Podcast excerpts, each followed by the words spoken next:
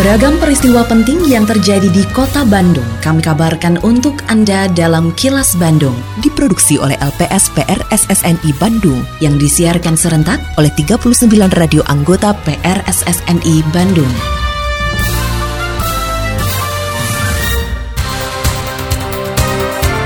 Sejumlah informasi aktual kami hadirkan untuk Anda dan inilah informasi utamanya.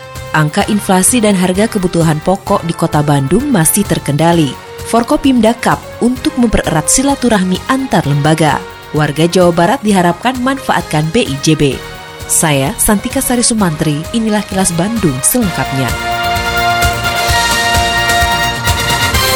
Angka inflasi dan harga kebutuhan pokok di Kota Bandung masih relatif terkendali dan stabil. Berdasarkan data Badan Pusat Statistik atau BPS Jabar, inflasi Kota Bandung pada September 2023 sebesar 0,11 persen atau sama seperti inflasi Jawa Barat dan lebih baik dibandingkan angka inflasi nasional. Sekretaris Daerah Kota Bandung Emma Sumarna mengatakan sejumlah upaya telah dilakukan pemerintah Kota Bandung untuk menjaga kestabilan harga, antara lain operasi pasar dan pasar murah. Bahkan operasi pasar murah akan dilanjutkan tahun depan dengan persiapan anggaran sekitar 2 miliar rupiah untuk subsidi ke Bulog sebagai upaya menjaga kestabilan harga bahan pokok bagi masyarakat. Jadi Bandung angka-angkanya di bawah Jawa Barat juga di bawah nasional. Kalau inflasi mah di bawah itu lebih bagus. Ya angka-angkanya sangat terkendali kalau di Bandung. Kalau mengenai masalah harga, kita kan terus melakukan kemarin yang namanya operasi apa pasar murah dan itu diberlakukan di seluruh wilayah Kota Bandung di seluruh kecamatan. Dan tahun depan pun kita e, menganggarkan ya yang sekarang ini sedang dibahas. Ada dana sekitar 2 miliar. Bagaimana kita nanti untuk subsidi ke Bulog, Bulog nanti yang akan membantu menyiapkan harga yang tentunya pasti di bawah harga pasar.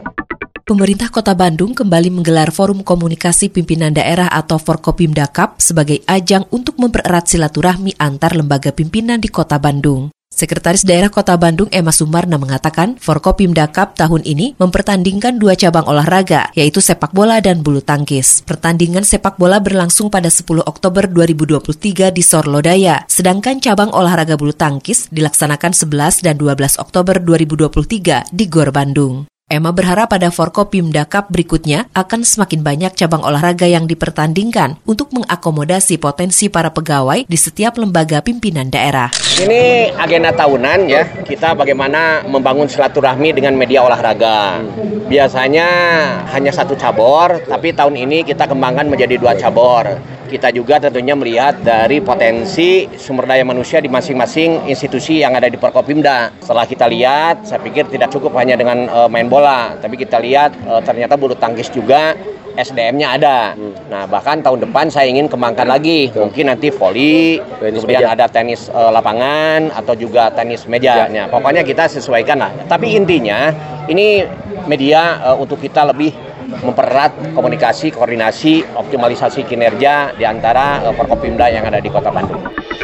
Suara Ketua DPRD Kota Bandung dan politisi PKS Teddy Rusmawan. DPRD Kota Bandung akan segera melakukan pembahasan terkait tawaran pemanfaatan air waduk Jatiluhur sebagai sumber air di Kota Bandung. Hal tersebut disampaikan Ketua DPRD Kota Bandung Teddy Rusmawan usai meninjau kondisi waduk Jatiluhur bersama Perumda Tirtawening Kota Bandung. Teddy mengakui tawaran memanfaatkan air dari Waduk Jatiluhur untuk memenuhi kebutuhan air di kota Bandung merupakan opsi yang sangat menarik. Meski begitu, ia menegaskan kota Bandung belum bisa melakukan hal tersebut secara mandiri karena belum ada anggarannya. Politisi PKS ini menyatakan dengan adanya peluang pemanfaatan air dari Waduk Jatiluhur perlu disambut baik karena akan berdampak positif bagi kota Bandung. Ya kita kan dapat informasi yang pertama dari PJT ada tawaran terkait alternatif air untuk kota Bandung. Kita sementara ini kan tergantung dari utara maupun selatan Bandung. Ada informasi terkait dengan ada dari PJT tentu kita harus melakukan penjajakan gitu. Kita harus uh, membuka ruang pembahasan gitu. Dan kami diundang hari ini ya tentu kita ingin mendengarkan paparannya saja terkait dengan anggaran. Kami sih dapat informasi kemarin akan didukung oleh pemerintah pusat gitu. Jadi sementara ini belum ada dari APBD eh, Kota Bandung gitu. Nah mudah-mudahan saja nih kita dapat informasi positif dari PJT 2 Jatiluhur ini untuk kita kemudian bisa hanya membicarakan membahas terkait dengan alternatif air dari Jatiluhur. Jadi kita pertama tentu kita harus ada peluang yang tentu sudah positif dan terima kasih kepada Perumda Tetawaning sudah tadi sampaikan progresif untuk menindaklanjuti ini gitu.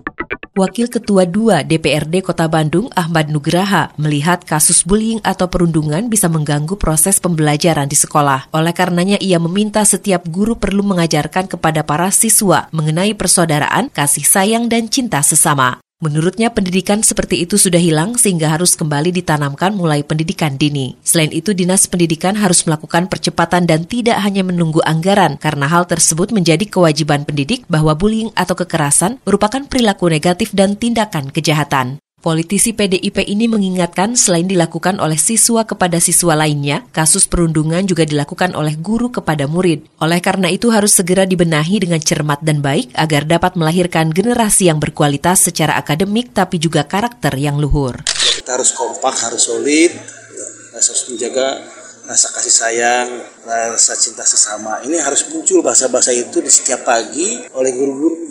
Sepertinya ini saya melihat setiap sekolah ini jarang ada pemberi pemahaman hal semacam itu dari guru. Nah kemudian harus mulai ditanamkan di tingkatan taman kanak-kanak atau PAUD. Ini harus segera percepatan dinas pendidikan melakukan program itu.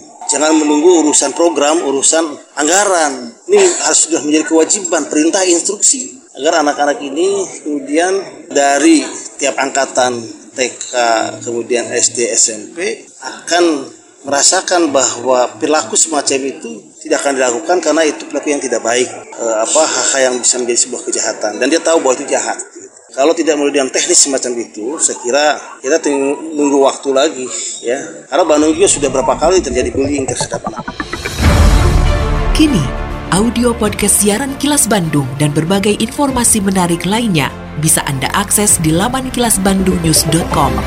Bandara Internasional Jawa Barat atau BIJB di Kertajati, Kabupaten Majalengka siap menerima peralihan operasional penerbangan dari Bandara Hussein Sastra Negara Kota Bandung yang rencananya dimulai 29 Oktober mendatang. Hal tersebut diungkapkan penjabat Gubernur Jawa Barat Bey Mahmudin usai memeriksa seluruh fasilitas BIJB termasuk moda transportasi pendukungnya. Menurutnya waktu tempuh dari kota Bandung menuju BIJB lebih singkat dibanding ke Bandara Soekarno-Hatta dan tarifnya juga relatif lebih murah. Untuk itu Bay mengajak masyarakat untuk memanfaatkan bandara terbesar kedua di Indonesia yang menjadi kebanggaan Jawa Barat. Kami menggunakan bis Damri simulasi sesuai dengan penumpang yang akan menggunakan pesawat di Kertajati 1 jam 30 menit. Kami lihat sudah ada kesiapan dan kami yakin tanggal 29 Oktober 2023 akan tetap berjalan. Di Bandara Hussein sudah tidak ada lagi penerbangan pesawat jet. Sosialisasi akan kami terus lakukan, terutama kesiapan dari kabupaten atau kota di daerah sini, termasuk shuttle bus ataupun angkutan dan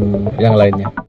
Direktur Jenderal Perhubungan Udara Kementerian Perhubungan Maria Kristi Endah Murni berharap tingginya animo masyarakat untuk menggunakan Bandara Internasional Jawa Barat atau BJB di Kertajati, Kabupaten Majalengka. Menurutnya selain penerbangan ke Kuala Lumpur, Malaysia, akan ada lagi penerbangan lain dengan rute penerbangan internasional di BIJB. Untuk itu pihaknya akan menyiapkan insentif bagi maskapai yang memindahkan penerbangannya ke BIJB. Kita harapkan uh, teman-teman dari Jawa Barat bangga dengan bandara ini dan bisa keluar masuk naik pesawat dari bandara ini. Kalau break even point itu kan satu pesawat tuh harus terisi 65% load factornya. Jadi makanya ini sangat berharap memang kita tidak memaksa tadi kata Pak PJ Gubernur, tapi kita menghimbau dengan sangat agar eh, teman-teman uh, uh, masyarakat Jabar ini uh, bisa memanfaatkan bandara yang sudah sangat mega ini.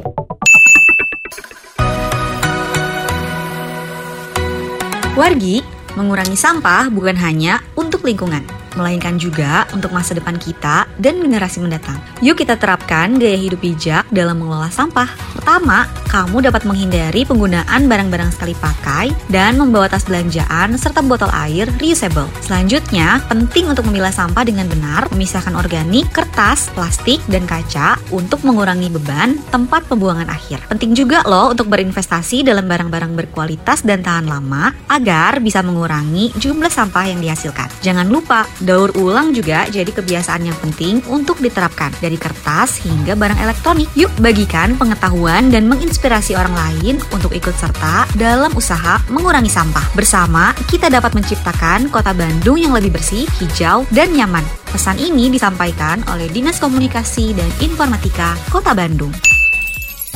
Terima kasih Anda telah menyimak kilas Bandung yang diproduksi oleh LPSPR SSNI Bandung.